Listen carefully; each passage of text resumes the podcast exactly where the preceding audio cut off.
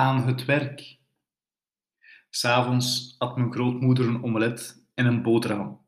Ik had een stuk van de bruine Noorse geitenkaas die geitost heet, waar ik ook al dol op was toen ik nog een jongen was.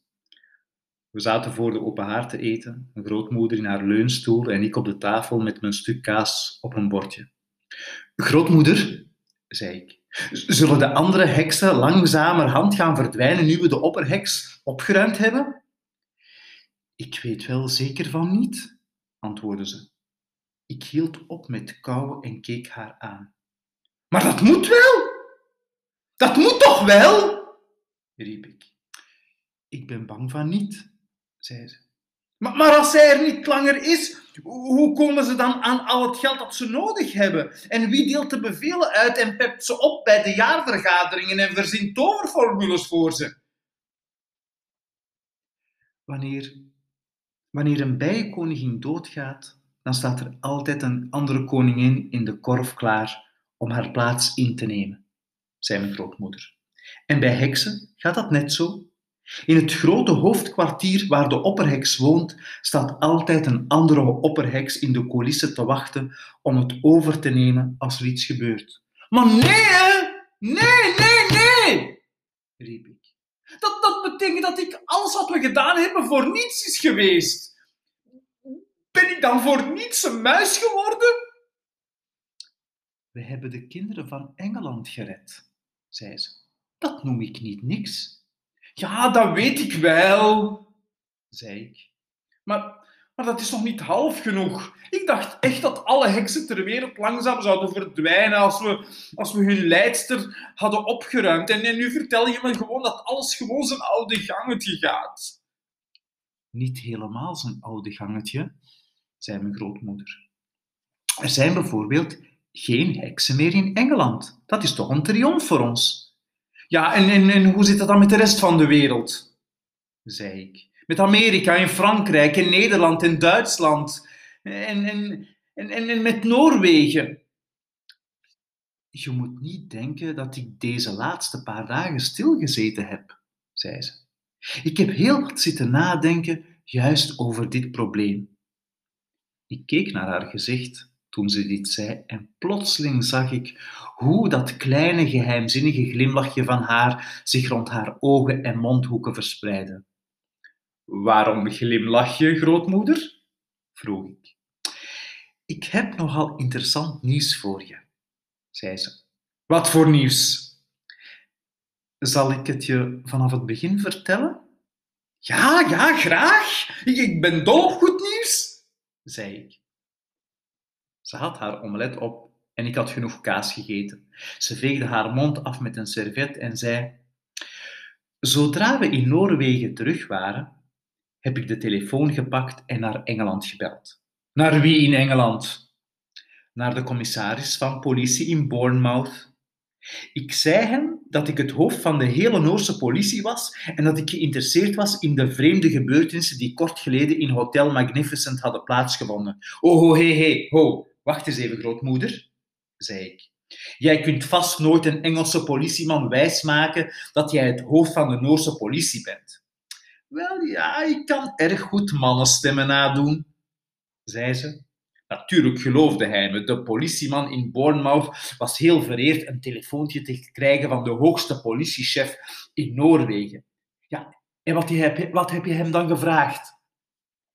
Ik vroeg de naam en het adres van de dame die in kamer 454 in Hotel Magnificent had gelogeerd en die verdwenen was.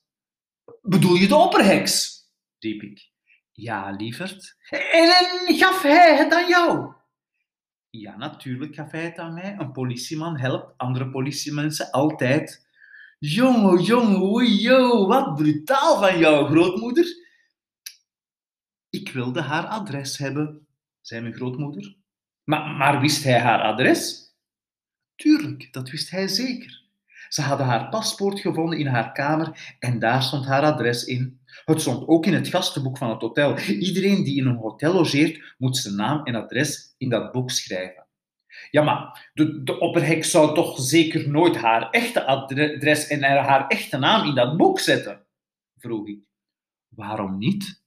Zei mijn grootmoeder. Niemand ter wereld had het flauwste benul wie ze was, behalve dan de andere heksen en jij, lieverd. Alleen jij was de enige niet-heks die haar ooit zonder masker heeft gezien. Zelfs in haar eigen streek, in het dorpje waar ze woonde, kende iedereen haar als een vriendelijke, steenrijke barones die grote sommen geld aan liefdadige doelen schonk. Dat heb ik nagegaan. Ik begon nu ook opgewonden te worden. En het adres dat ik kreeg, grootmoeder, dat moet het adres van het geheime hoofdkwartier van de opperheks zijn geweest. Dat is het nog, zei mijn grootmoeder. En dat is beslist waar nu op dit moment de nieuwe opperheks met haar staf van speciale heksenassistenten woont. Belangrijke leiders zijn altijd omgeven door een grote staf van assistenten. Waar, waar is het hoofdkwartier, grootmoeder? Waar is het? Kom, vertel het me. Vertel het me gauw, waar het is. Het is een kasteel, zei mijn grootmoeder. En het leuke is dat in dat kasteel alle namen en adressen moeten zijn van alle heksen ter wereld. Hoe zou een opperheks anders alles kunnen regelen? Hoe zou ze anders de heksen in de verschillende landen voor hun jaarvergaderingen kunnen oproepen? Waar is het kasteel, grootmoeder? Waar is het kasteel? Welk land? Kom aan, zeg het! Zeg het, zeg het!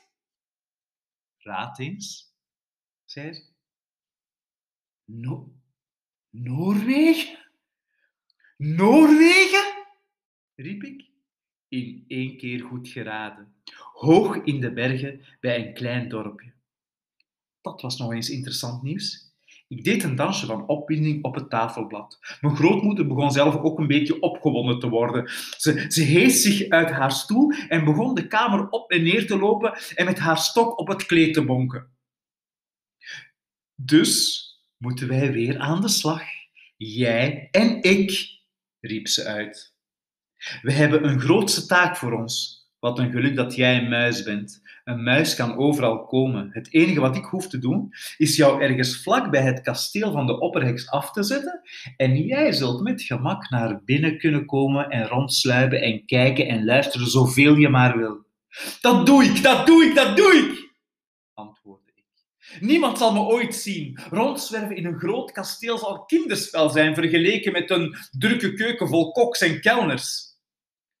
Je zou er zo nodig dagenlang kunnen blijven, riep mijn grootmoeder. In haar opwinding zwaaide ze wild met haar stok rond en plotseling raakte ze een hoge, prachtige vaas die tegen de grond smakte en in miljoenen scherfjes uit, uiteenspatte. Dat doet er niet toe, zei ze. Het was maar een ming. Ja, een ming, dat is een hele dure Chinese vaas. Je zou weken in dat kasteel kunnen blijven als je dat wilde en niemand zou weten dat je er was. Ik zou dan een kamer in het dorp kunnen huren en dan zou jij elke avond het kasteel uit kunnen sluipen en bij mij komen eten en me vertellen wat er daar binnen allemaal gebeurde. Ja, dat zou ik best kunnen, riep ik uit. En binnen, in het kasteel, zou ik gemakkelijk overal kunnen rondneuzen. Maar jouw belangrijkste taak, zei mijn grootmoeder, zou natuurlijk het vernietigen van alle heksen daar zijn. Dat zou echt het einde betekenen van de hele organisatie. Ik? Ik de heksen vernietigen? riep ik. Hoe zou ik dat moeten doen? Kun je dat niet raden? vroeg ze. Vertel het maar, zei ik. Muizenmaker, schreeuwde mijn grootmoeder. Gewoon weer Formule 86 muizenmaker tijddrank. Je geeft het aan iedereen in het kasteel door wat in hun eten te doen. Je weet het recept toch nog wel? Van het begin tot het einde, antwoordde ik. Bedoel je dat we het zelf gaan maken? Waarom niet? zei ze.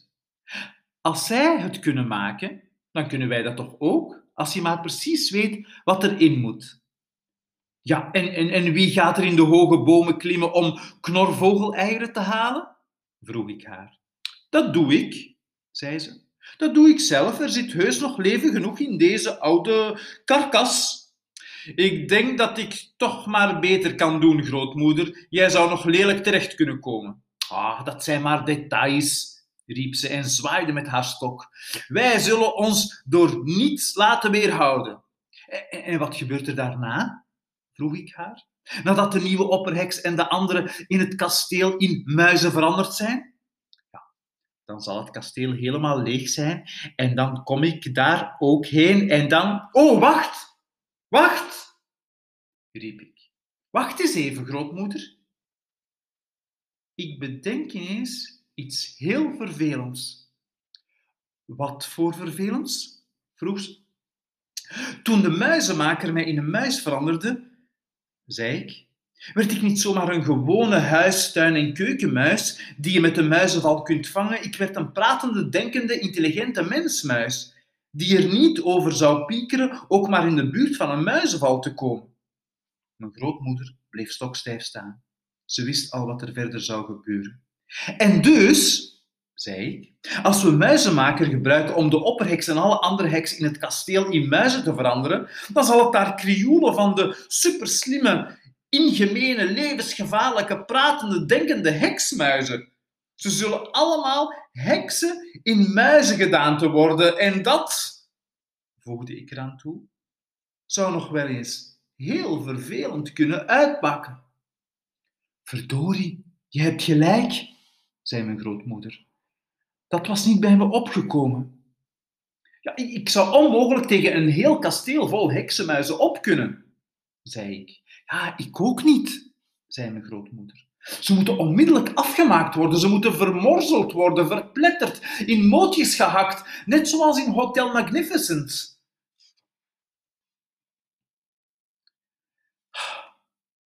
Mij krijg je daar niet voor, zei ik. Ik zou trouwens niet eens kunnen en ik denk dat jij het ook niet zou kunnen, grootmoeder. En aan muizenvallen hebben we ook niets. En, en tussen twee haakjes, voegde ik eraan toe, de opperheks die mij te pakken kreeg, had het helemaal mis met haar muizenvallen. Ja, ja, ja, ja, ja, zei mijn grootmoeder ongeduldig. Maar die opperheks interesseert me niet.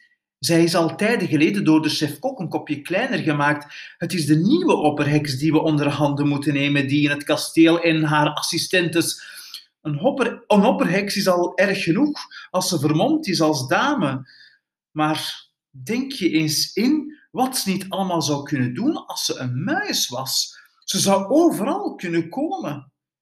Ik heb het! Ik heb het! schreeuwde ik en sprong een gat in de lucht. Ik heb er wat op gevonden. Vertel op, zeg het, zei mijn grootmoeder. De oplossing is katten. Stuur er katten op af, zei ik. Mijn grootmoeder staarde me aan en toen verspreidde zich een brede, brede grijns over haar gezicht en schreeuwde ze: Maar dat is geniaal! Dat is absoluut geniaal! Ja, laat een stuk of zes katten los in dat kasteel. En, en ze zullen in vijf minuten alle muizen opgeruimd, opgeruimd hebben, hoe slim die ook zijn, zei ik. Je bent een tovenaar, zei mijn grootmoeder, en begon weer wild met haar stok rond te zwaaien. Kijk uit voor de vazen, grootmoeder. Och, naar de bliksem met de vazen, schreeuwde ze. Ik ben zo opgetogen dat het, dat het me niet zou schelen, al gingen ze er allemaal aan. Eén ding nog, zei ik. Je moet wel heel goed opletten dat ik veilig en wel uit de weg ben voor je de katten loslaat. Dat beloof ik, zei ze. En wat doen we nadat de katten alle muizen hebben gedood? vroeg ik haar. Dan neem ik alle katten weer mee terug naar het dorp en dan hebben jij en ik het kasteel voor ons alleen. En daarna, vroeg ik, dan kijken we al hun papieren door en zoeken alle namen en adressen op van alle heksen in de hele wijde wereld. En daarna, vroeg ik bevend van opwinding, daarna, lieverd, begint nog het belangrijkste werk voor jou en mij. We zullen onze koffers pakken en de hele wereld rondreizen. In elk land waar we komen, gaan we op zoek naar de huizen waar de heksen wonen Eén voor één zullen we alle huizen opzoeken en vinden en dan sluip jij naar binnen en druppel je de dodelijke muizenmaker op het brood of de cornflakes of de griesmeel of wat voor eten je zult zien liggen. Het zal een triomftocht worden, lieverd. Een kolossale, ongeëvenaarde triomftocht. We zullen alles zelf doen. Alleen jij en ik. Dat zal onze taak zijn voor de rest van ons leven. Mijn grootmoeder pakte me van tafel op en zoende me op, op mijn neus. O hemeltje lief, wat zullen we het druk krijgen de komende weken en maanden en jaren, zei ze. Ja, dat denk ik ook, zei ik. Maar oh, wat een spanning en avontuur zullen we beleven. Ja, daar kun je van op aan, riep mijn grootmoeder en gaf me nog een zoen. Ik sta al te trappelen van ongeduld. En zo geschiedde. En dit was het verhaal van de heksen. Bedankt om te luisteren.